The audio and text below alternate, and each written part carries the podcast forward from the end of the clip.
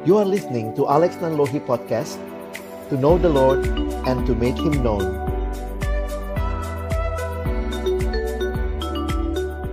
Syukur banget malam ini kita boleh ditemani oleh dua orang narasumber yang sebenarnya adalah satu karena mereka dalam Tuhan sudah dipersatukan sepasang ya.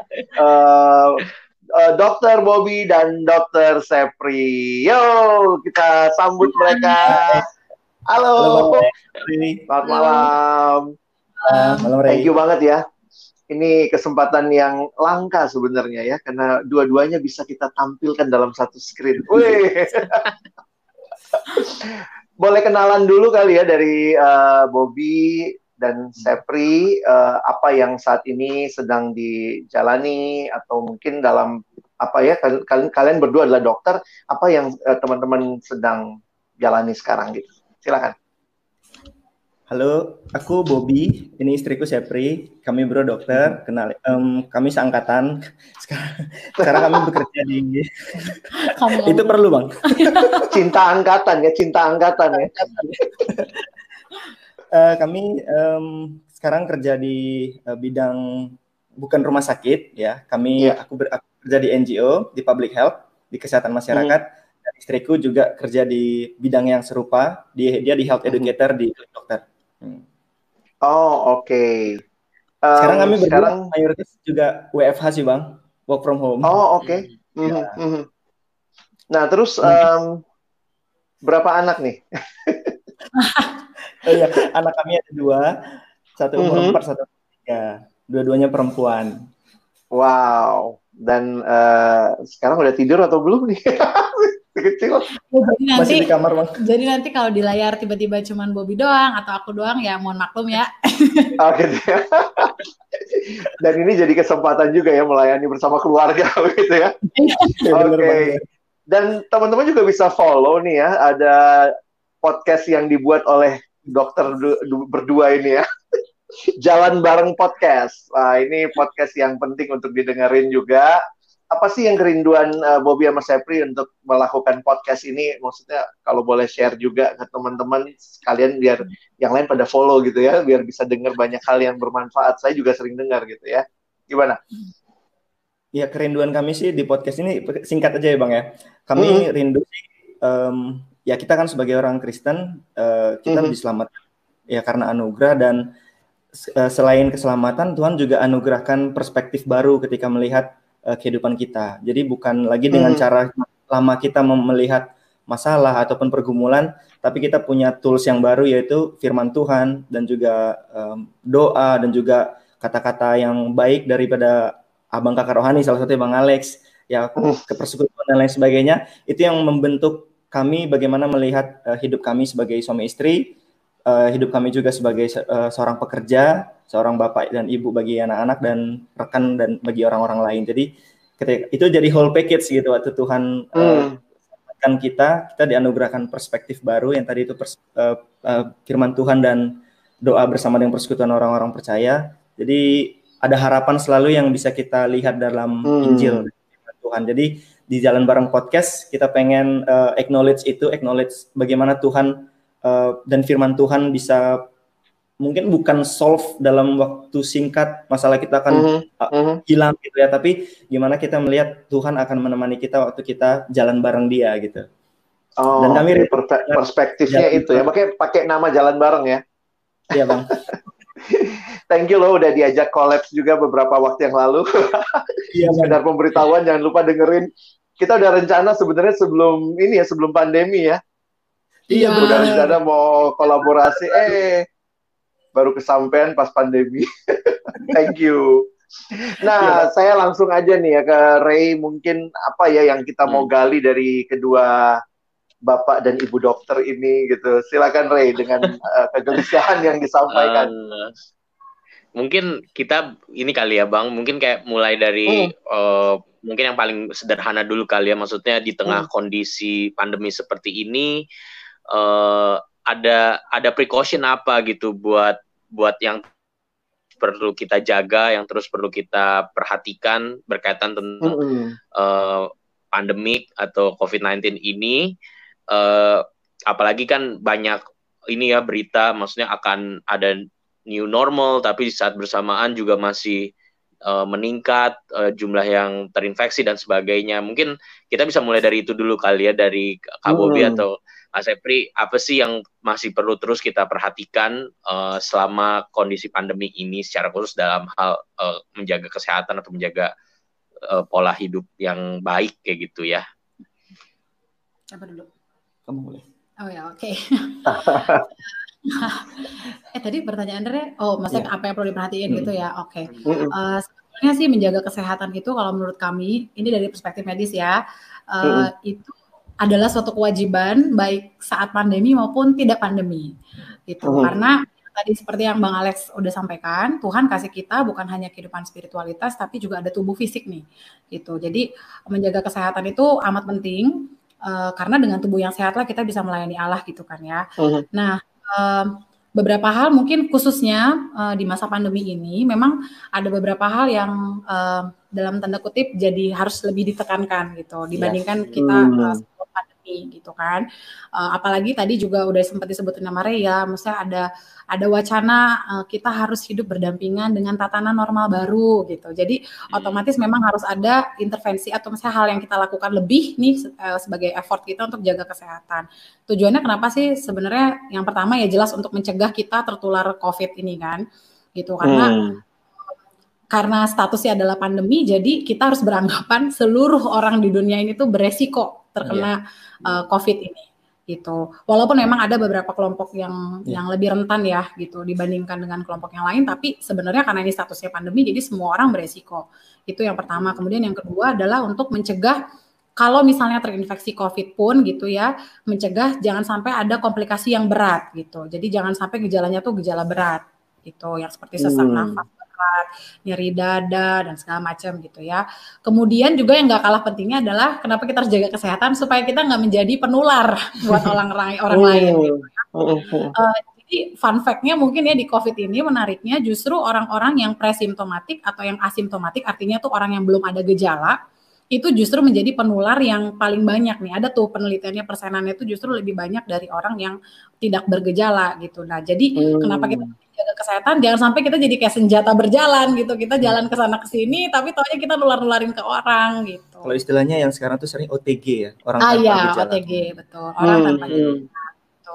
Dan yang terakhir sih ya untuk jangka panjang menjaga kesehatan itu sebenarnya juga mengurangi resiko berbanyak banget penyakit di masa datang misalnya kayak diabetes atau penyakit gula ya darah tinggi terus kolesterol dan lain sebagainya gitu jadi menjaga kesehatan secara umum memang sangat penting baik pada saat pandemi maupun tidak tapi khususnya di pandemi ini ya tadi alasan-alasan yang udah aku kasih tahu nah kadang-kadang ini ya orang kayak parno hmm. gitu loh jadi sebenarnya hmm. kan ini ini real ya bahwa ternyata kayak tadi saya bilang bahwa kita harus melihat atau kita harus mengasumsikan bahwa seluruh dunia kan ini.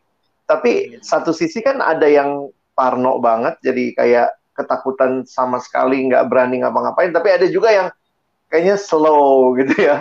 Jadi hmm. Itu itu gimana tuh kalau ngelihat uh, realitas seperti itu apa sih yang harus kita sampaikan kira-kira ke teman-teman seperti itu?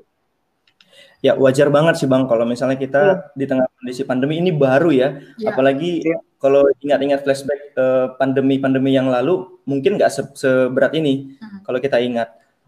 Um, dan ini kalau untuk generasi-generasi kayak kami di usia ya. bekerja, di usia uh, sekolah, mahasiswa, baru ada pandemi itu terasa banget uh, berubah gitu, banyak ritme, banyak uh, yang harusnya sekolah, harusnya bekerja, jadi malah harus di rumah dan ini menimbulkan ketakutan sendiri ya memang, seperti yang Bang Alex hmm. bilang. Tapi waktu kita mengetahui, mengetahui dalam artian kita tahu bagaimana menjaga diri kita waktu di kondisi pandemi ini, itu memberikan kita comfort sih, hmm. memberikan kita sedikit ada harapan kita bisa kok uh, deal with, um, kita bisa apa ya, uh, menghadapi menghadapi masa-masa seperti ini. Hmm. Dan itu yang uh, penting sih untuk kita ketahui yaitu pengetahuan-pengetahuan yang bukan hanya eksklusif untuk para medis pengetahuan-pengetahuannya hmm. tapi untuk para orang awam pun kalau misalnya diketahui ini jadi bagus banget untuk bisa uh, kita menghadapi masa-masa seperti ini yang tadi seperti saya bilang mencegah kita jadi sakit berat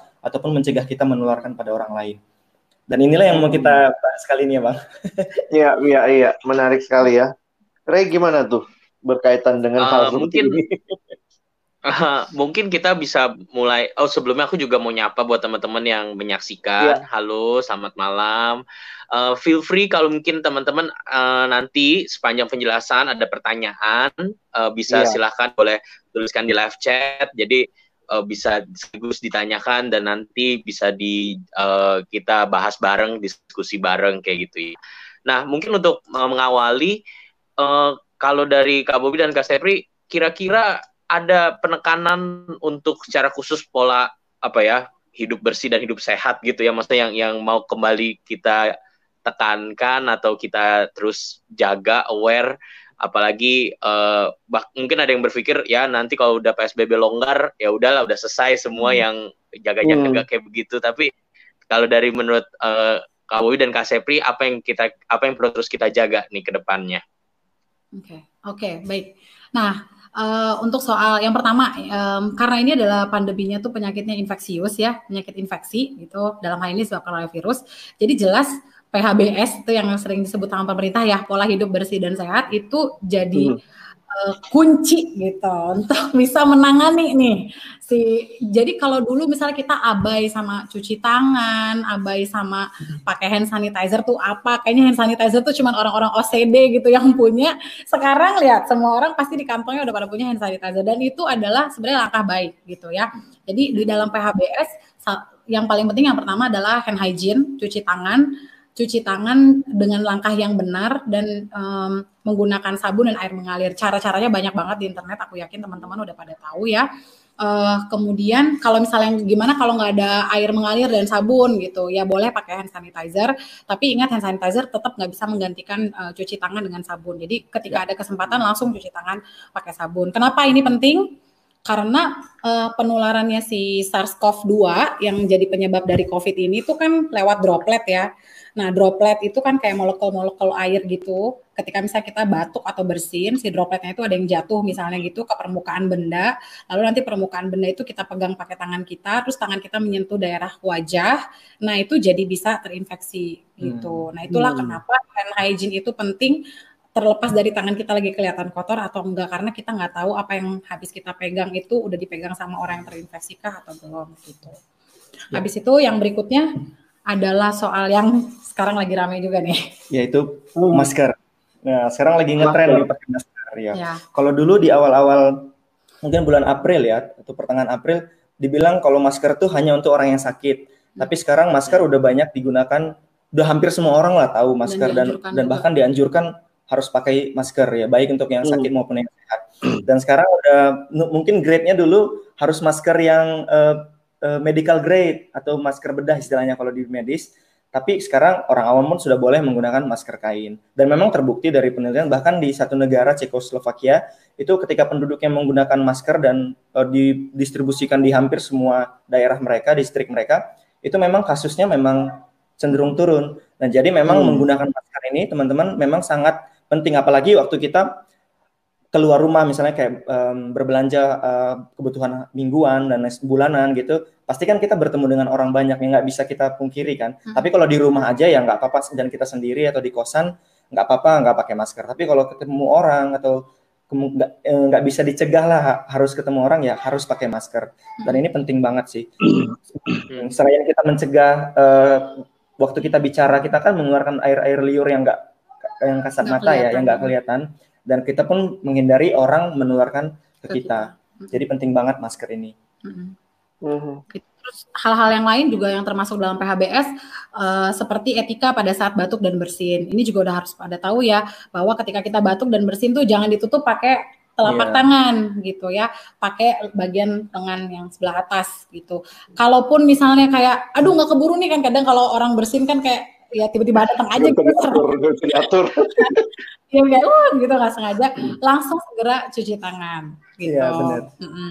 Kemudian juga ya tadi jangan menyentuh area wajah, kemudian jaga jarak dengan orang lain ya. Ini juga berhubungan karena tadi droplet itu dia bisa uh, terbang gitu ya, kurang lebih hmm. 1 sampai 2 meter. Itulah kenapa kita dianjurkan untuk bukan hanya social distancing tapi physical distancing. Jadi benar-benar sama orang lain pun kita hmm. jaga jarak. Kalau aku sama Bobby nggak jaga jarak karena kita di rumah ya. Jadi satu quarantine oh, bubble. Iya. Gak apa-apa. kalau yang sama rumah tapi kalau saya sama orang lain boleh, boleh nanya dulu nggak kena, kenapa hmm. wajah ya? Memang masuknya tuh dari wajah begitu ya? Hmm. Dia dia rentannya langsung dari wajah gitu. Oh iya, kenapa di wajah bang? Karena kalau dari prinsipnya infeksi atau pengendalian infeksi kan hmm itu um, agen infeksius itu biasanya masuk melalui ada istilah medisnya itu port di entry. Jadi uh, lubang masuk. Nah di wajah ini kan banyak lubang masuk kan, mulai oh. lubang telinga, lubang mata, hmm. lubang hidung, lubang mulut, dan itu bisa menjadi uh, area masuk uh, kuman. Dalam hal ini virus, apalagi virus SARS-CoV ini dia ke uh, saluran napas, ya paling rentan. Lebih dekat ya. Iya. Jadi kenapa dilarang memang sentuh area wajah karena hal itu sih. Hmm. Tapi kalau sudah cuci tangan bersih dan pakai hand sanitizer, memang sih minim risikonya minimal kalau memegang wajah, tapi ya tetap diusahakan tidak usah memegang wajah gitu. Kalau gatel ya nggak apa-apa, ya. digaruk aja gitu. ya ya ya karena selama ini aku tuh bertanya kenapa wajah gitu ya tapi aku pikir karena pori-pori kulit begitu apalagi kalau yang jerawatan bisa masuk gitu Oke oke silakan lanjutin lagi apa yang perlu kita tahu nih. Selain ini ya bang, kalau, kalau um, biasanya kan kalau kita di rumah kan biasanya belanjanya jarang uh, ke store yang lang langsung toko ya. Biasanya belanjanya hmm. online ya. Hmm. Ya online. banyak lah e-commerce. Nah, hmm. Ini juga penting sih kita uh, tekankan waktu kita menerima paket. Ya itu didisinfektan dulu di, di, dengan cairan uh, disinfeksi. Cara membuatnya gampang. Misalnya, uh, kamu mau jelasin nggak? kamu yang ahli yang membuat di rumah. Aduh, enak aja. ya, soalnya, soalnya Sepri ini best practice banget di rumah. Setiap kali oh, okay. uh, dari Indomaret, bahkan kotak susu anak juga disemprot bang sama dia pakai Vanish. Jadi uh, sebut merek apa apa ya? Kamu kan kita nggak di endorse juga ya? Iya iya nggak nggak gue endorse merek tapi paling nggak orang jadi tahu apa yang dibicarakan gitu kan? Iya dari um, misalnya dari warung mau beli susu anak-anak hmm. misalnya itu biasanya Sepri akan semprot-semprot dulu. Nah, cairannya biasanya gimana sih? Oh, kamu dari warung kayak kita di mana gitu ya. nah, Iya, sebenarnya prinsipnya adalah hmm. supaya nggak ribet. Iya. Uh, supaya nggak ribet kita harus repot gitu. Jadi supaya nanti kita nggak oh nggak mau kita mesti memang uh, apa namanya lebih lebih lebih intens gitu ya. Hmm. Nah dalam hal ini kenapa kalau terima paket karena kan kadang-kadang saya paket kita tuh dibungkusnya pakai apa sih kalau di ini pakai plastik kan hmm. plastik atau yeah. misalnya kardus. Nah hmm. padahal ada penelitian nih si SARS-CoV ini tuh bisa bertahan di permukaan plastik tuh up to 72 jam gitu oh. ya, sampai tiga hari gitu. Nah jadi dan di permukaan kardus tuh banyak juga metal juga sama. Nah jadi hmm. logikanya adalah ketika barang dari luar sampai kita nggak tahu itu plastik udah dipegang sama berapa banyak orang dan berapa banyak orang itu yang sudah mungkin OTG atau ODP atau apa kita nggak tahu. Nah hmm. jadi itulah kenapa kita harus bersihkan.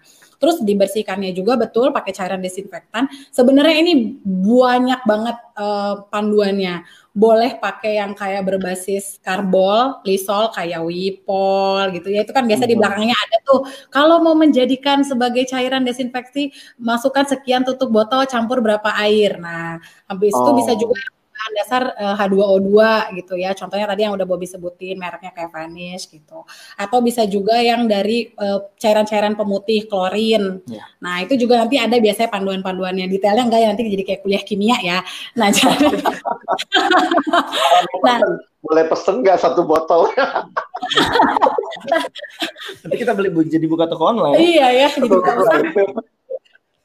Nah, kalau aku biasanya uh, ditaruh di botol, ada satu botol semprot di luar dan satu botol di dapur. Yang yeah. di iya. luar itu adalah untuk semua benda yang sebelum masuk ke rumah itu dipastikan dulu udah dis disinfektan dulu. Nanti kalau masuk ke dalam itu benda-benda yang misalnya dalam kemasan kayak misalnya kotak sereal, di dalamnya kan sereal dalam plastik, plastiknya itu di dalam rumah di disinfeksi lagi. Dan di disinfeksinya hmm. ada yang disemprot, ada juga yang dilap. Tapi kalau aku pribadi lebih prefer dilap karena misalnya tuh disinfektannya disemprot dulu ke lap tuh habis itu nanti lapnya baru kita uh, apa namanya dilapkan oh. di permukaan karena kalau misalnya kita semprot takutnya malah jadi ketiup si virusnya itu malah cuman berpindah gitu jadi nggak mati nah makanya itu aku lebih hmm. Itu. Dan ini nggak cuma berlaku pada barang-barang paketan ya. Iya. Semua benda Semua. logikanya adalah semua benda yang tersentuh oleh telapak tangan, saklar, flash di kamar mandi, gagang pintu, habis itu laptop, handphone itu juga mesti Hmm. secara didisinfeksi. Kalau bisa sekali sehari sih harusnya. Gitu. Wow. Mm-mm. Ini jadi ini juga ya kebuat kalau buat kami yang nanti selesai PSBB atau udah new normal gitu, kalau pembicara juga harus benar-benar menjaga gitu ya. Betul. Satu dua Kalau nggak boleh sama muncrat berarti. gitu. Tolong, oh, muncrat. Maksudnya Nanti habis Itu- MC itu- pegang mic, ngelap-ngelap dulu ya, Bang.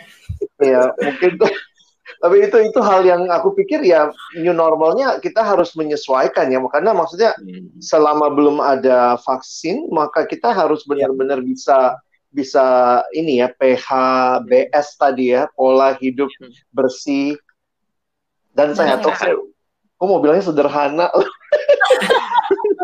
boleh, boleh. Nah ini ini jadi menarik ya. Jadi menarik kalau melihat bahwa eh, ya ini yang tadi teman-teman juga bilang bahwa sebenarnya sebelum pandemi pun harusnya ini hal-hal yang jangan diabaikan. Tapi ketika pandemi ini jadi semacam iya ya ini bener banget gitu ya. Dan ini sebenarnya basic eh, basic Knowledge. kesehatan ya, knowledge kesehatan. Hmm. Mm-mm. Nah, gimana Oke, Ray nah, tentang eh, hal selanjutnya? ke ini jadi apa kepikir juga gitu ya. Maksudnya kan mungkin pertanyaan dari teman-teman selain secara pribadi menjaga pola hidup bersih dan sehat eh, kalaupun s- misalnya kita masih harus physical distancing atau terbatas ketemu orang itu kan kita jadi kayak punya waktu yang eh, berbeda ya ritme hidupnya. Tentang misalnya kerja dari rumah itu kan nggak 85 tenggo kayak gitu. Tapi apa berubah kayak gitu kan. Eh, mungkin bu- kita mulai dari yang paling gampang yang sering ditanyakan kali ya. Karena yang sering jadi pertanyaan itu eh, gimana mengatur eh, apa ya makan tidur eh, fisik kayak gitu ya. Maksudnya itu kan itu kan eh, kadang-kadang ada yang jadi berlebihan ada yang jadi malah kekurangan kayak gitu. Entah karena eh, stres perasaan ataupun juga karena emang nggak bingung lah menyesuaikan kayak gitu. Nah, eh, kira-kira kalau dari Kak Bobi dan Kak Sepri apa yang mesti kita perhatikan kayak gitu ya? Mungkin bisa Kak Bobi dan Kak Sepri bisa point out dulu kali ya apa, ap- maksudnya ap- mulai dari mana gitu yang mesti kita perhatikan. Oke. Mm-mm. Ya, ini berarti ngomongin pola makan ya berarti Ray ya. Hmm, Pola makan dulu kali ya. Ya, pola boleh, makan. boleh. Gue dengerin atau gue nggak usah denger nih ya?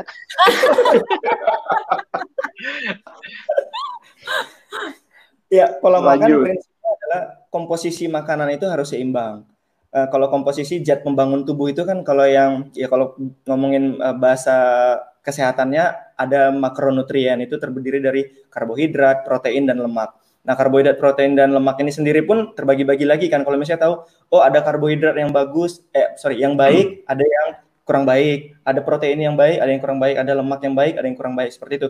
Jadi eh, pilihlah makanan yang dari makronutrien ini em, yang zatnya itu berasal dari yang eh, sumber-sumber yang baik. Nah, sumber-sumber yang baik itu biasanya adalah bersumber dari makan-makanan yang sehat ya. Ya. Ya, kalau misalnya karbohidrat, karbohidrat itu kan banyak ditemukan di nasi, jagung, oatmeal, ya meskipun oatmeal jarang kita makan ya. Hmm, Karena agak seret ya agak kalau seret. oatmeal ya. Hmm, tapi itu beda mulutnya. ya. beras sendiri pun ada lagi kan, beras Ya. putih, ada beras merah, ada beras hitam. Ya, Hmm. dan ya tergantung eh, ini kita lah.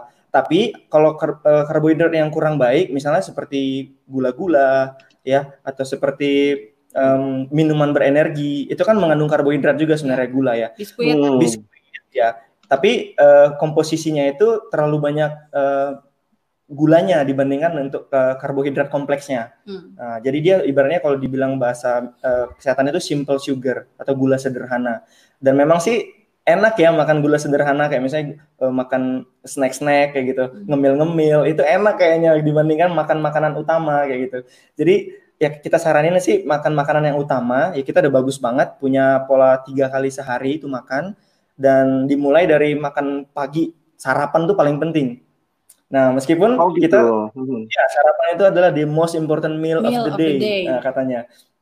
Kalau orang kan bilang pagi makanlah seperti raja, so, siang makanlah seperti pekerja. pekerja, malam makanlah seperti rakyat jelata. Itu sebenarnya kurang tepat tuh. Ibaratnya makan sebanyak-banyaknya di pagi, siang dikurangin, malam dikurangin hampir nggak makan itu itu sebenarnya prinsip yang yang kurang tepat sih. Jadi makan tuh uh, cukup di masing-masing um, waktu ya. Hmm. Jadi yang paling simpelnya kalau misalnya kita mau makan hmm. nasi paling gampang tuh kalau orang dewasa segenggam aja sih. Nah, segenggam tangan kita. Jangan nasinya menggunung gitu. segenggam nah, tapi ke atas kalau ada yang ada gitu ya. Kalau genggamannya gede gimana? Iya, paling paling sederhana mungkin sekitar 6 sampai 7 sendok, sendok. makan, ya itu paling itu paling sederhana dan kemudian eh, kalau bisa piringnya dibagi tiga ya, ya. Hmm. karbohidrat karbohidrat sepertiga sepertiga iya, sepertiga ya, ya. Hmm. sepertiga karbohidrat sepertiganya lauk dan sepertiganya sayur dan buah sayur. seperti itu betul. nah jadi kita nggak makan tuh oh banyakin nasi biar agak, agak lama kenyangnya bukan kayak gitu nah dan dan memulai waktu makan yang tepat itu juga penting sih ya. kayak misalnya pagi-pagi siang-siang dan malam-malam itu penting untuk menjadwalkan makan yang uh, fix ya mungkin lewat 30 menit sampai satu jam itu it's okay lah. Tapi ada waktu yang fix lah setiap makan. Kalau ibaratnya hmm. kalau kita udah uh, work from home atau PJJ sekarang bangun biasanya lebih siang ya. Kemudian hmm. tidur lebih malam. Akhirnya makan paginya jadi terlalu siang, makan malamnya terlalu malam gitu. Bisa bisa ekstrimnya seperti itu.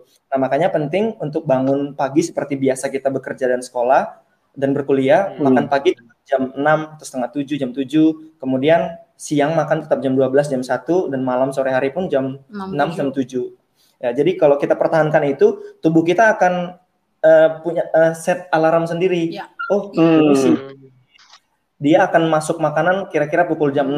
Nanti siang makan masuk lagi, malam akan masuk lagi. Nah, kalau kita berantakan, paginya jam 10 pagi ntar makan siangnya jam 3 sore, malamnya jam 10 malam. Eh tapi besoknya berubah lagi. Nanti tubuh kita akan bingung sama metabolisme. sama metabolismenya dan di dalam tubuh kita itu ada namanya hormon dan enzim biasanya yang akan memecah makanan dia pun akan bingung. Ini waktunya memecah jam berapa ya dan aku memasukkan ke tubuhnya si Bobby ini uh, gimana ya kok aku ada ada kebingungan gitu dan itulah yang bisa membuat nanti jadinya ada yang kayak penyakit gula. Ya dikarenakan hmm. ada namanya di dalam tubuh kita insulin itu yang ter, uh, dikeluarkan terus menerus kalau misalnya kita makannya nggak teratur ataupun makannya dalam porsi yang besar sekaligus ataupun makannya hmm. ngemil ngemil ngemil dia dia jadi terus menerus dikeluarkan dan akhirnya ada nanti namanya dia nggak sanggup lagi untuk memasukkan gula ke dalam tubuh ada resistensi namanya hmm. dan itu yang membuat orang jadi gulanya lama berdiam di darah karena dia nggak dimasukkan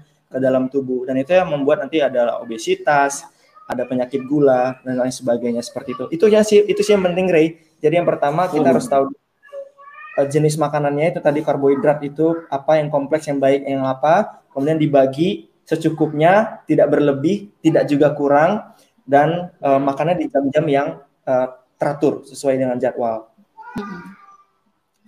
Okay. Nah terus kalau kalau begitu gimana cara apa ya? Maksudnya uh, mem, me, apa kalau kalau kayak variasi menu atau apa begitu itu kita atur sendiri aja gitu ya. Iya, ya Bang. Jadi tadi kan Bobby udah sempat sebutin misalnya ada karbohidrat. Karbohidrat kan hmm. variannya banyak ya. Ada nasi putih. Kalau kalau Indonesia biasanya nasi putih. Ada yang nasi putih campur nasi merah dikit, ada yang nasi hmm. merah. Ada yang juga masih kayak old school ya kayak mamaku singkong, ubi gitu. Dia masih hmm. masih hmm sebentar sebentar ada interupsi. Ah, nah, no problem. nah, uh, jadi uh, pilihannya sebenarnya pilihlah yang lebih kompleks. Artinya yang uh, selain karbo dia juga punya serat yang banyak gitu. Jadi kenyangnya tuh istilahnya lebih lama. Saya kalau nasi golongan nasi-nasian saya nasi nasi merah itu yang terkenal seratnya banyak gitu ya. Kemudian kalau roti rotinya roti gandum gitu. Kemudian uh, singkong ubi yaitu relatively lebih lebih lebih tinggi lah gitu seratnya. Yang kayak gitu. Kemudian kalau protein misalnya proteinnya kan protein juga ada dua ya, ada hewani, nabati. Nah, itu di di variasiin aja. Nabati itu ya. banyak hmm. banget di Indonesia. Tahu, tempe ya. kemudian kacang kedelai dan segala macam, kacang-kacangan. Kalau buncis gitu, kacang panjang itu kan semuanya golongan protein nabati. Kalau protein hewani juga lebih banyak lagi di Indonesia ya, ikan, kemudian daging, ayam, telur. Telur betul sekali ya, telur yang hampir kayak di semua rumah di Indonesia pasti ada ya. Dan itu sebenarnya hmm. salah satu protein yang juga ya. sangat baik, sangat baik gitu. Kemudian soal lemak, nah ini juga Bobby tadi udah sempat sebut ya. Pilih lemak juga pilihlah lemak yang tak jenuh katanya, ya kan? Lemak yang lemak baik lah gitu. Lemak baik ini ada di mana ya? Eh, kalau yang keren-kerennya kayak minyak zaitun gitu, olive oil. Hmm. Ya, yang kayak gitu-gitu lah. Bukannya buat masker itu ya? kayak gitu-gitu malah dipakai di muka. Aging. ya kayak gitu. Nah tapi gimana dong kan kalau yang kayak gitu mahal kan, misalnya lemak hmm, yang kayak gitu.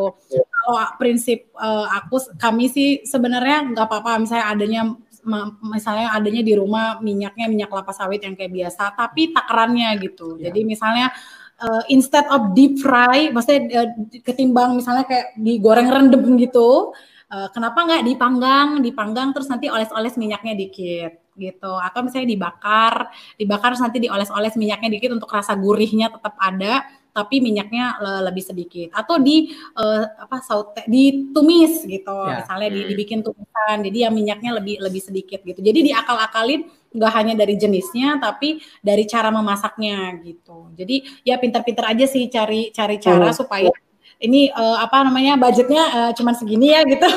Tapi saya mau sehat gimana dong? Udah kita pinter-pinter aja cari bahan yang meriah dan cara mengolahnya yang benar gitu. Sama jangan lupa juga buah dan sayur. Yeah. Nah kadang kan kalau misalnya kita nih kayak WFH kayak gini, duduk-duduk gini kan kita pengen nyemil ya gitu. Misalnya nyemilnya uh, pasti kan nyemilnya pilihannya kalau kami sih sukanya chips gitu kayak uh, keripik-keripik, kerupuk-kerupuk dan segala macam Iya, micin-micin gitu. Nah, sebetulnya baiknya itu diganti dengan uh, buah potong segar misalnya. Jadi buah atau dibikin salad misalnya, salad salad buah atau salad sayur itu dikonsumsi di sela-sela makan besar. Gitu. Jadi tubuh kita tuh nggak sempat hmm. stunting atau lapar yang terlalu lama gitu karena di tengah-tengah kita masukin lagi serat gitu. Dan selain itu buah dan sayur juga tinggi vitamin dan mineral ya yang di masa pandemi kayak gini tuh sangat penting banget untuk menjaga daya tahan tubuh kita gitu. Hmm. Gitu Kalau buat anak-anak nih, anak-anak kan biasanya juga ada yang punya anak atau apa nih, kalau lagi masa seperti ini kayaknya semua dikasih gitu ya. Apa ya. uh, terus kayak seneng anaknya lagi nafsu makan atau mungkin jarang orang tua mungkin jarang ketemu anak di rumah kali ya karena kerja. Hmm. Ini sekarang lihat anaknya jadi kayak dikasih makan. Nah ini gimana buat anak-anak yang katanya ini masa pertumbuhan, tapi gimana ya. juga menjaga keseimbangan gizi buat anak di masa seperti ini? Ya prinsipnya sih ya jangan kasih anak ngemil ya. Uh, ya. Ngemil yang ngemil yang ya. tinggi oh, gula gitu. dan tinggi garam, tinggi natrium. Nah ini ahlinya nih ibu-ibu. Enggak. Jadi kalau anak, wah kalau ngomong anak mah sama aku seru banget bang, bisa panjang. nah, oh, nanti bikin jadi, bikin episode khusus buat anak ya. Iya. simpelnya, simpelnya gimana simpelnya? Nah, pada prinsipnya sebenarnya kalau kalau anak yang pertama tergantung usianya. Jadi yeah. kalau misalnya masih enam bulan ke bawah jelas ASI ASI aja sebenarnya udah cukup gitu ya. Kemudian enam bulan sampai 2 tahun itu masuk masa MPASI, makanan pendamping ASI. Nah, nanti di sini nih ibu-ibu masukin aja semua makanan yang biasa kita masak di rumah.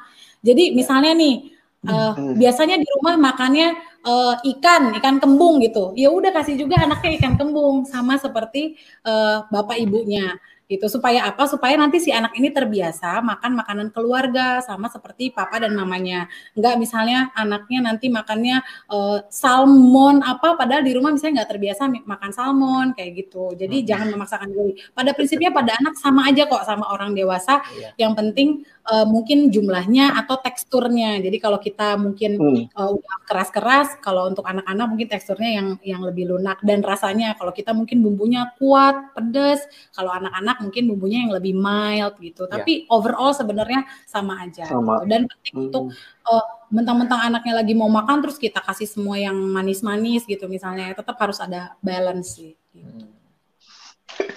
Ngomong-ngomong soal ikan, katanya ikan apa yang paling bodoh? Receh banget ya. Ikan ya, kembung. Udah tahu kembung masih main air. Siapa? Oke oke. Itu intermezzo Ray lanjutin Ray. Oke, okay. thank you buat penjelasan. Oh, pola mi uh, minum ada ada nah. yang diperhatikan kalau sekalian ya makan minum. ya. ya. Prinsipnya kalau minum itu kan kita memasukkan air dalam tubuh ya. Karena kita tahu lebih dari 70% tubuh kita ini terbentuknya oleh cairan, ya, darah kebanyakan kan. Nah, dan itu perlu kita untuk minum air yang cukup ya. Minimal 2 liter lah kalau misalnya kondisi ginjal kita masih baik. Itu kira-kira 8 uh, gelas. gelas yang ukuran apa ya? Gelas yang gelas warna blimbing. gelas belimbing. Uh, 8 gelas itu. Gelas. Karena satu gelas kan 250 Ya, gelas warteg betul. Bawahnya kayak belimbing. Uh, itu kan 250 cc lebih kurang. Kalau 8 kali kita ukuran takaran seperti itu, itu hmm. udah cukup sih. Uh, tapi kalau misalnya kita karena aktivitasnya berat atau kita memang orang yang rajin olahraga di rumah, sekalipun meskipun PSBB, itu cairannya bisa lebih banyak. 3 sampai 4 liter itu boleh. Hmm. Jadi nggak harus patokan, ah aku udah minum 8 gelas nih, nggak boleh lagi nih nambah. Bukan, bukan gitu. Minimalnya 8 gelas kalau kita masih sehat uh, ginjalnya, kalau lebih dari itu boleh. Hmm. Oh, Dan okay, thank you. Uh, cairannya bukan cairan yang berasa-berasa ya, seperti misalnya oh. uh, uh, cairan berenergi ataupun cairan berkarbonasi ya, berion-ion. Kita nggak boleh sebut merek ya. Iya nggak boleh. nah, jadi uh, penting untuk ya plain water aja, air minum air putih hmm. biasa, air galon, air kemasan yang berwarna. Oke, thank you Kak Bobi Kak Sefrina. Uh, beberapa pertanyaan yang juga sering uh, ditanyakan itu tentang uh, apa ya berolahraga kali ya aktivitas fisik karena pilihannya kan kalau nggak cuma rebahan, kalau nggak cuma rebahan all day, kalau nggak ya inilah di depan laptop begini, depan HP begini. Uh, perjalanannya hampir, hampir ke sama... ini ya, perjalanannya ke dapur, ke kulkas masuk toilet, masuk kamar tidur. nah, uh, mungkin eh, kira-kira ada rekomendasi apa untuk maksudnya aktivitas fisik atau mungkin keluar rumah hmm. gitu boleh nggak buat cari hawa gitu kalau misalnya udah uh, sumpek banget atau gimana gitu supaya tetap fresh atau segar kali ya kayak gitu. Oke, okay. nah uh, untuk soal aktivitas fisik um, tetap ya hukumnya adalah tetap harus dilakukan meskipun di rumah aja gitu ya. Hmm. Karena sebetulnya uh, jenis olahraga tuh banyak. Sebenarnya ini Bobby yang bisa nanti ngejelasin lebih detail ya. Tapi intinya olahraga tuh uh, hanya yang kayak harus dilakukan di uh, studio gitu ya atau di, di di pusat olahraga, tapi di rumah pun sebenarnya kita bisa berolahraga gitu. Dan udah banyak banget kayak kalau di YouTube atau di itu tuh tinggal cari aja home workout. Nah, nanti itu tuh banyak tuh um, keluar hasilnya. Nah, cuman kan perkaranya nih, misalnya kita ketik nih home workout, buer, terus kita bingung kayak ada yang kardio, ada yang ini, ada yang core, ada yang strength, hmm, ada ini, hmm. Ah, mau yang mana dulu gitu kan. Nah, kadang-kadang kan suka pilih yang bingungnya yang bikin bingung kayak gitu dan akhirnya nggak mulai-mulai olahraga. Nah, pada prinsipnya adalah mulai dari yang uh, intensitas paling rendah, yang paling kita mampu lakukan dan paling bisa dilakukan seminimal mungkin equipmentnya atau alat-alatnya di rumah gitu. Misalnya uh, kalau di rumah adanya skipping, skipping lah gitu misalnya tahu ya skipping ya gitu yang pakai yeah, sepatu yeah. teras skipping gitu skipping 10 menit sehari misalnya itu tuh udah termasuk ke dalam uh, intensitas yang sedang berat. sedang sedang berat tuh lumayan gitu hmm. nah kemudian misalnya adanya di rumah uh, ada tuh yoga mat misalnya ada aku ada karpet oh ya udah bisa lakukan misalnya kayak ikutin pilates sederhana yang dari di video-video di internet kayak gitu hmm. dan lakukan mulai ber, bertahap aja maksudnya slow aja dengerin dengerin tubuhnya sih gitu jadi mulai dari intensitas intensitas yang rendah dan dalam durasi yang juga singkat, nanti makin lama makin ditingkatkan. Memang yang disarankan adalah oleh AHA ya American Heart Association, yang baik itu adalah 150 menit per minggu. Jadi kan kurang hmm. lebih berarti uh, kami suka kasih tahunya Senin sampai Jumat Bu gitu. Senin sampai Jumat 30 menit 30. sehari gitu. Nah, sebenarnya sih memang idealnya 30 menitnya itu ya dilakukan uh, straight, straight ya? langsung gitu. Nah, oh. Nah, cuman kalau misalnya nggak mampu nih ya, ya udah nggak apa-apa dibelah-belah aja. Misalnya 10 menit pagi hari, 10 menit atau 20 menit nanti di sore hari. Nanti lama-lama ditingkatkan ter pasti bisa 30 menit straight, 30 menit straight gitu. Hmm. Nah, nanti contoh hmm. olahraganya nih ini yang bisa jelasin. Nah, ini gimana Bobi nih? Kalau olahraga olahraganya sih tadi kan Sepri udah uh, singgung mengenai yang uh, intensitas ya, exercise intensity. Nah, atau aktivitas intensitas aktivitas. Biasanya setiap gerakan tubuh kita itu memang mempunyai intensitas, Bang. Seperti yang Bang bilang tadi, jalan ke toilet, jalan ke dapur, itu sebenarnya juga masuk dalam exercise sebenarnya. Tapi itu hmm. exercise hmm. dalam taraf yang sangat ringan. Nah, ibaratnya itu uh, tidak membutuhkan begitu banyak effort untuk otot kita dan jantung kita untuk uh, bekerja ekstra untuk bisa mempertahankan uh, fungsinya. Hmm, hmm. Jadi kalau bisa ditambahlah aktif uh, uh, intensitasnya. Nah, tadi saya sudah bilang AHA itu merekomendasikan 150 menit kriteria olahraga yang intensitasnya sedang sampai berat. Nah, contoh yang sedang itu misalnya kayak jalan kaki pagi hari. Tadi Ray bilang apakah boleh keluar? Boleh banget sebenarnya. Kalau pagi-pagi hari kita ada waktu dan memang lingkungan sekitar kita nggak um, banyak orang, boleh keluar pagi-pagi, tetap pakai masker ya, dan tetap uh, hmm. jaga jarak dengan orang lain, um, jalan pagi hari dengan pace yang jalan cepat ya, bukan jalan santai seperti itu. Kalau jalan santai seperti itu kan agak intensitasnya jadi masuk kategori intensitas ringan. Tapi kalau kita hmm. udah jalannya cepat, kira-kira 4 sampai 6 km per jam, ya ibaratnya kalau naik motor yang lambat banget, tapi kita bisa masih bisa ngikutin dengan jalan cepat. Nah, itu udah masuk ke kategori ringan. Tapi kalau kita bisa jogging, nah itu udah masuk kategori berat. Dan itu kalau kita lakukan straight 30 menit itu bagus banget untuk jantung. Ya. Kemudian uh, tipe-tipe aktivitas yang lain yang mungkin bisa di rumah skipping tadi bisa udah siap uh -huh. kan ya. Kalau misalnya bisanya 5 menit, 10 menit is oke, okay, nanti bertambah. Kemudian contohnya push up.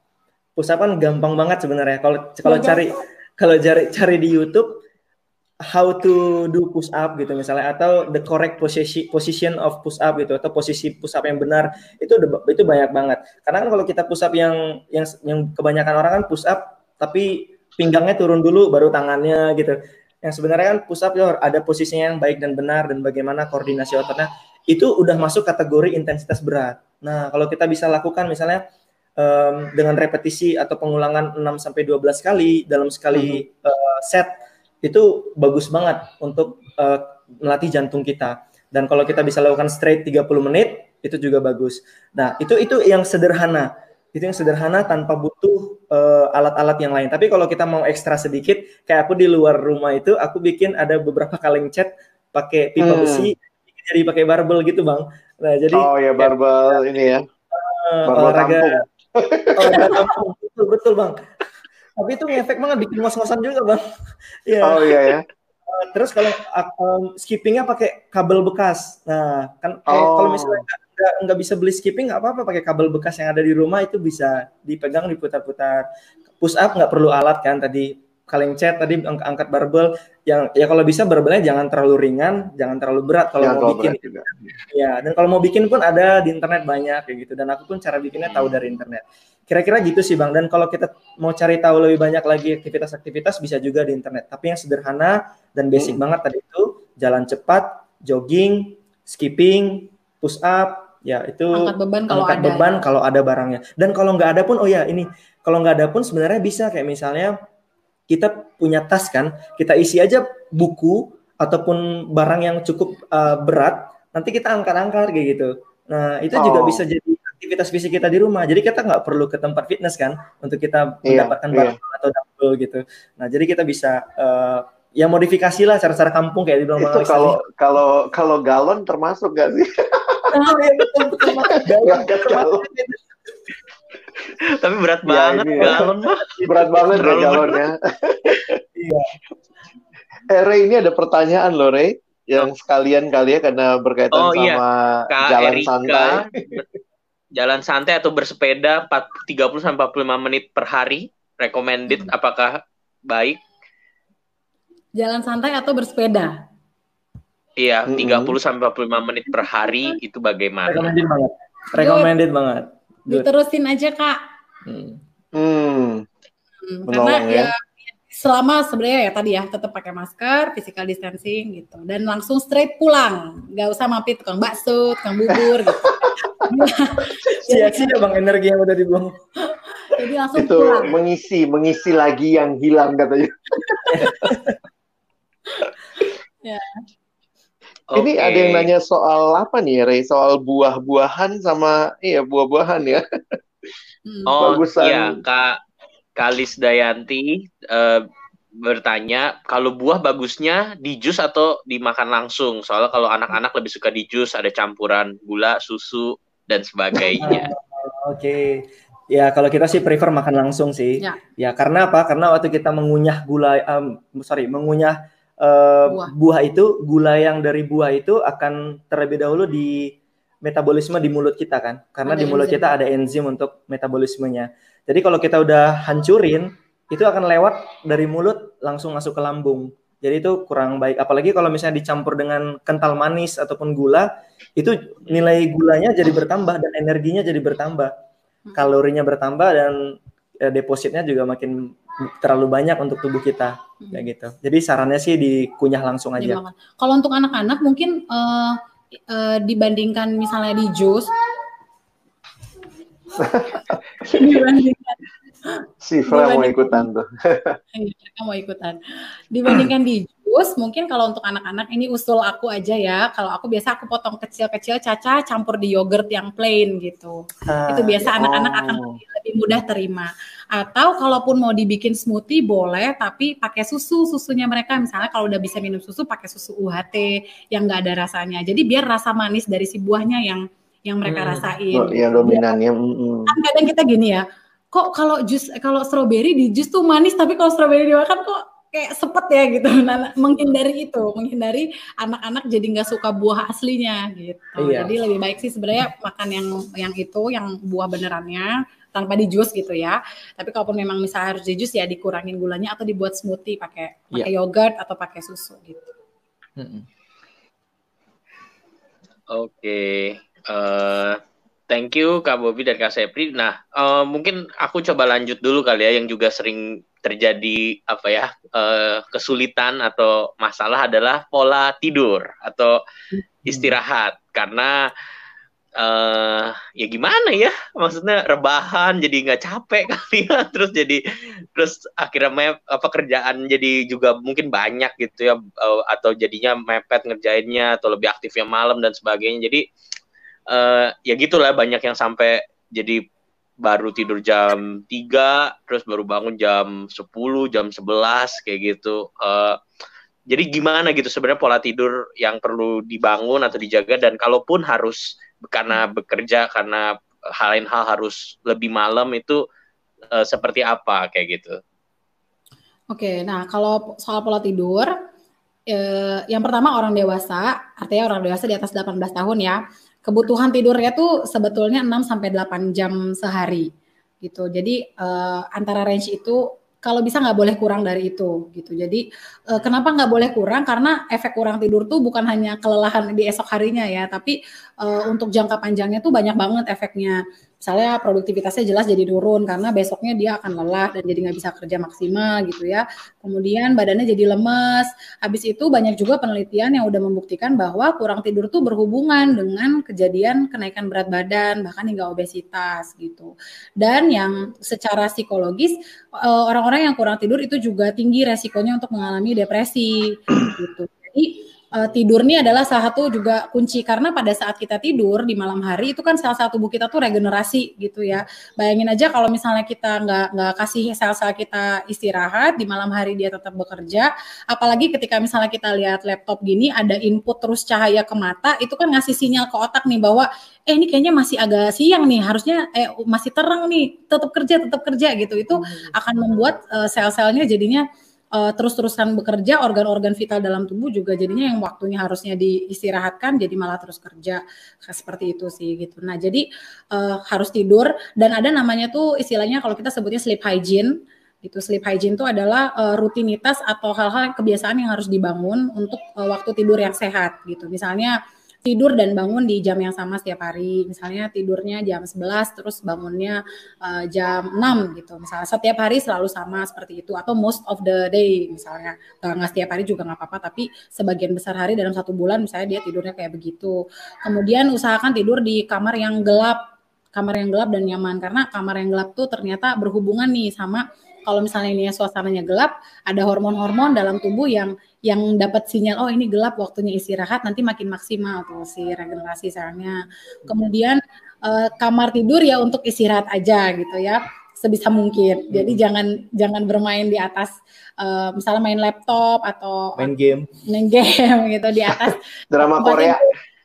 Iya benar drama drakor atau baca komik atau apa ya nonton serial-serial gitu Netflixan di atas tempat tidur itu sebaiknya jangan gitu ya. Kemudian uh, apa bangun sleep rutin seperti sebelum tidur tuh cuci muka, sikat gigi, baca Alkitab, berdoa. Tujuannya apa? Ketika nanti kita terbiasa melakukan itu, waktu kita cuci muka, sikat gigi secara nggak langsung tubuh kita udah dapat alarm. Oh, kayaknya udah mau tidur nih. Gitu. Kayaknya itu juga hmm. akan mengurangi resiko insomnia. Jadi kita gogolerannya terlalu lama dan membuat kita dengan adanya sleep hmm. rutin bangun seperti itu, nanti um, ritme tidurnya kita akan lebih cepat jatuh di tidur dalam yang mana pada saat tidur dalam tuh maksimal untuk regenerasi sel-sel di tubuh gitu. Nah, terus tadi pertanyaan Ray kan, ya, kalau gimana? Harus begadang, nah, kalau seperti kami kami ini juga ya. nah, kalau kata Bang Roma kan nggak boleh ya begadang sebenarnya. kalau hmm, kecuali ada gunanya katanya.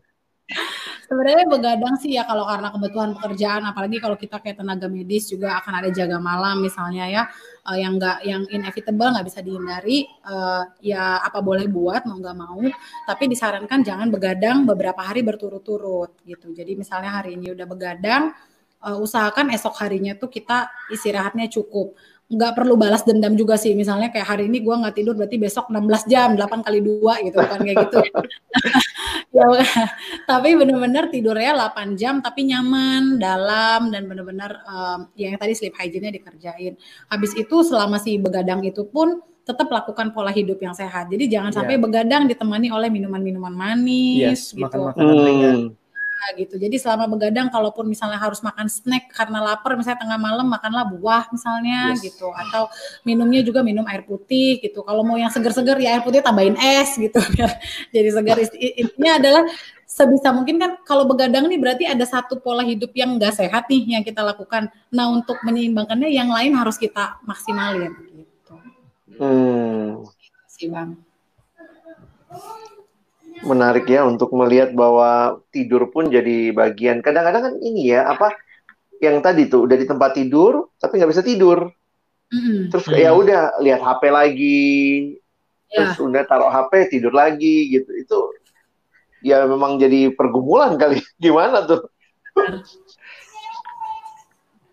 Ya memang perlu sih untuk itu ya apa namanya uh, kayak tadi sleep rutin dan juga menahan diri untuk kalau udah HP udah jamnya tidur lebih baik ditempatkan di tempat yang jauh dari tempat, tempat tidur. tidur. Iya.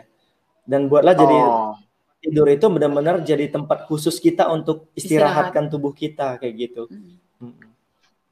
Hmm. Jadi ini ya apa melihat bahwa sering kali karena tadi baru ngeh juga ya bahwa ketika sinyalnya apa atau cahaya itu masuk terus yeah. jadi terkesan kayak ya, uh, masih produktif, masih bisa kerja, yeah. masih bisa apa gitu ya. Hmm. Jadi nggak heran ya yang penggemar drakor tuh bisa kalau belum habis serinya bisa terus tuh ya, semalaman gitu Step ya. iya, apalagi udah penasaran kan. Mm -mm, mm -mm dan itu kayak nggak berasa gitu baru besoknya baru ya ampun capek. Gitu. sama dengan scrolling scrolling scrolling sosmed itu juga kadang suka nggak berasa ya. Misalnya kita kayak scrolling scrolling feed Instagram gitu.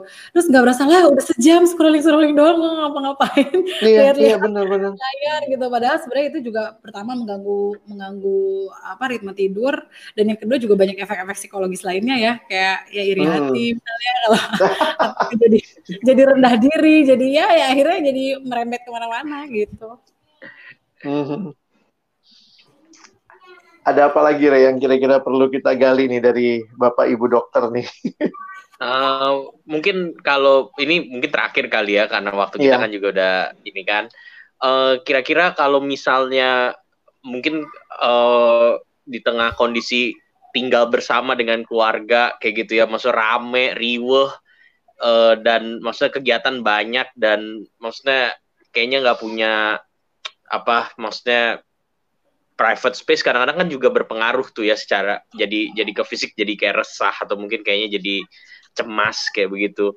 Nah maksudnya uh, kalau dari sisi kesehatan uh, kedokteran atau secara fisik kayak gitu uh, gimana bisa manage apa ya manage apa ya mungkin stres kali atau mungkin uh, hidup apa maksudnya di tengah bersama gitu di tengah private space-nya terganggu atau mungkin berubah hmm. kayak gitu. Uh, apakah ada pengaruh atau mungkin ada masukan dari Kak Bobi dan Kak Sepri untuk kondisi seperti itu kayak gitu? Iya, stres mempengaruhi sih kondisi itu Bu ya, banget. Apalagi kalau um, stres yang sampai tingkatnya berat, itu bisa sampai berpengaruh kepada penyakit jantung ya dan penyakit tadi gula, penyakit-penyakit metabolik yang lain lah. Ya, dan itu membuat tubuh kita pun rentan terhadap penyakit sebenarnya. Nah, bagaimana di masa-masa yang seperti ini kita rame di rumah, nggak bisa ke mana-mana, kita nggak punya private, bagaimana supaya kita bisa tetap um, punya waktu yang bisa apa ya melihat ada kebaikan di sini ya. Kalau kami sih berpikirnya masa-masa kebersamaan ini jarang-jarang banget loh dan nggak mungkin akan terjadi 5 sampai 10 tahun lagi gitu. Waktu kita bisa 7 kali 24 jam bisa sama orang tua kita, bisa sama saudara, kakak adik kita dan ini menjadi kesempatan berharga sebenarnya untuk kita bisa mengenal keluarga kita, bisa bisa melayani keluarga kita juga bahkan. Nah, jadi tergantung perspektif kita sih waktu kita melihat hmm. ini rame, gue nggak punya private atau wah ini kesempatan melayani keluarga nih, meskipun ya keluarga gue kayak gini sering ngebetein, sering bikin kesel dan sebagainya. Tapi ini adalah kesempatan Tuhan kasih waktu aku melayani keluarga aku 7 kali 24 jam dan terus-terusan pagi si Mars yang malam ketemu dia dia lagi gitu. Jadi mungkin ya privacy kita itu adalah privacy bersama jadi mungkin ya. Dan hmm. privacy hmm. dan kita pikir-pikir lagi privacy kita yang kita anggap privacy apa sih sebenarnya? Kadang-kadang kan untuk memuaskan keinginan kita yang tadi seperti menonton lebih banyak, um, apa baca buku lebih banyak, yang enjoying buat kita atau entertain diri kita gitu. Tapi kalau kita melihat uh, privacy itu sebagai um, sebagai sebuah kesempatan untuk melayani keluarga kita, ya perspektif kita bisa berubah dan mungkin yang tadinya kita mau stres, kita nggak jadi hmm. stres. Hmm. Hmm. Ya, wow. sama mungkin nambahin uh, sebetulnya dengan kita melakukan pola hidup sehat gitu ya yang seperti tadi kayak pola hidup bersih dan apa cuci tangan segala macam makan juga kita jaga misalnya olahraga kita lakukan um, misalnya berjemur juga gitu, itu udah banyak juga bukti-bukti ilmiah yang nunjukin bahwa ketika kita melakukan itu ada juga nih hormon-hormon yang meningkat seperti misalnya yang terkenal ya dopamin, endorfin, serotonin. Hormon-hormon tersebut itu akan membuat timbul rasa senang, rasa nyaman yeah. gitu dan itu kan uh, di bawah kedaulatan Allah juga ya, maksudnya Allah membuat yeah. sistem tubuh kayak begitu supaya kita ketika kita punya kebiasaan yang sehat kita jadi lebih happy. Dengan kita lebih happy kita bisa melayani keluarga kita juga dengan lebih freely dengan dan melihat mereka sebagai sesama yang mesti dikasihi gitu. Bahkan mungkin bisa membangun kebiasaan-kebiasaan baik di dalam keluarga kita yang tadinya mungkin yang rajin olahraga cuma satu dua orang sekarang mungkin kita bisa bangun kebiasaan yang sehat bersama-sama sebagai keluarga gitu sih. Itu sih kami ngelihatnya ya Mm-hmm. Bang Alex yang lebih ahli nih sama Ray. ini kita mesti banyak bertobat kali Ray ya setelah mendengar paparan-paparan ini. Gue pikir aku juga jadi kayak maksudnya kira ya kiranya masa beberapa diskusi ini bukan ya masa secara pribadi itu jadi penerapan pribadi tapi juga bisa menjadi penggerak juga kali ya minimal buat hmm. orang-orang di rumah kayak gitu maksudnya ya.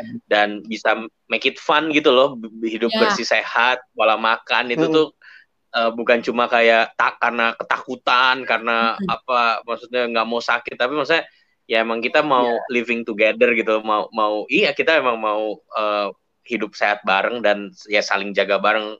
Jadi gue pikir yeah. Iya. uh, semoga ya apa yang kita diskusikan ini juga secara pribadi dan boleh kita jadi penggerak di tempat kita masing-masing.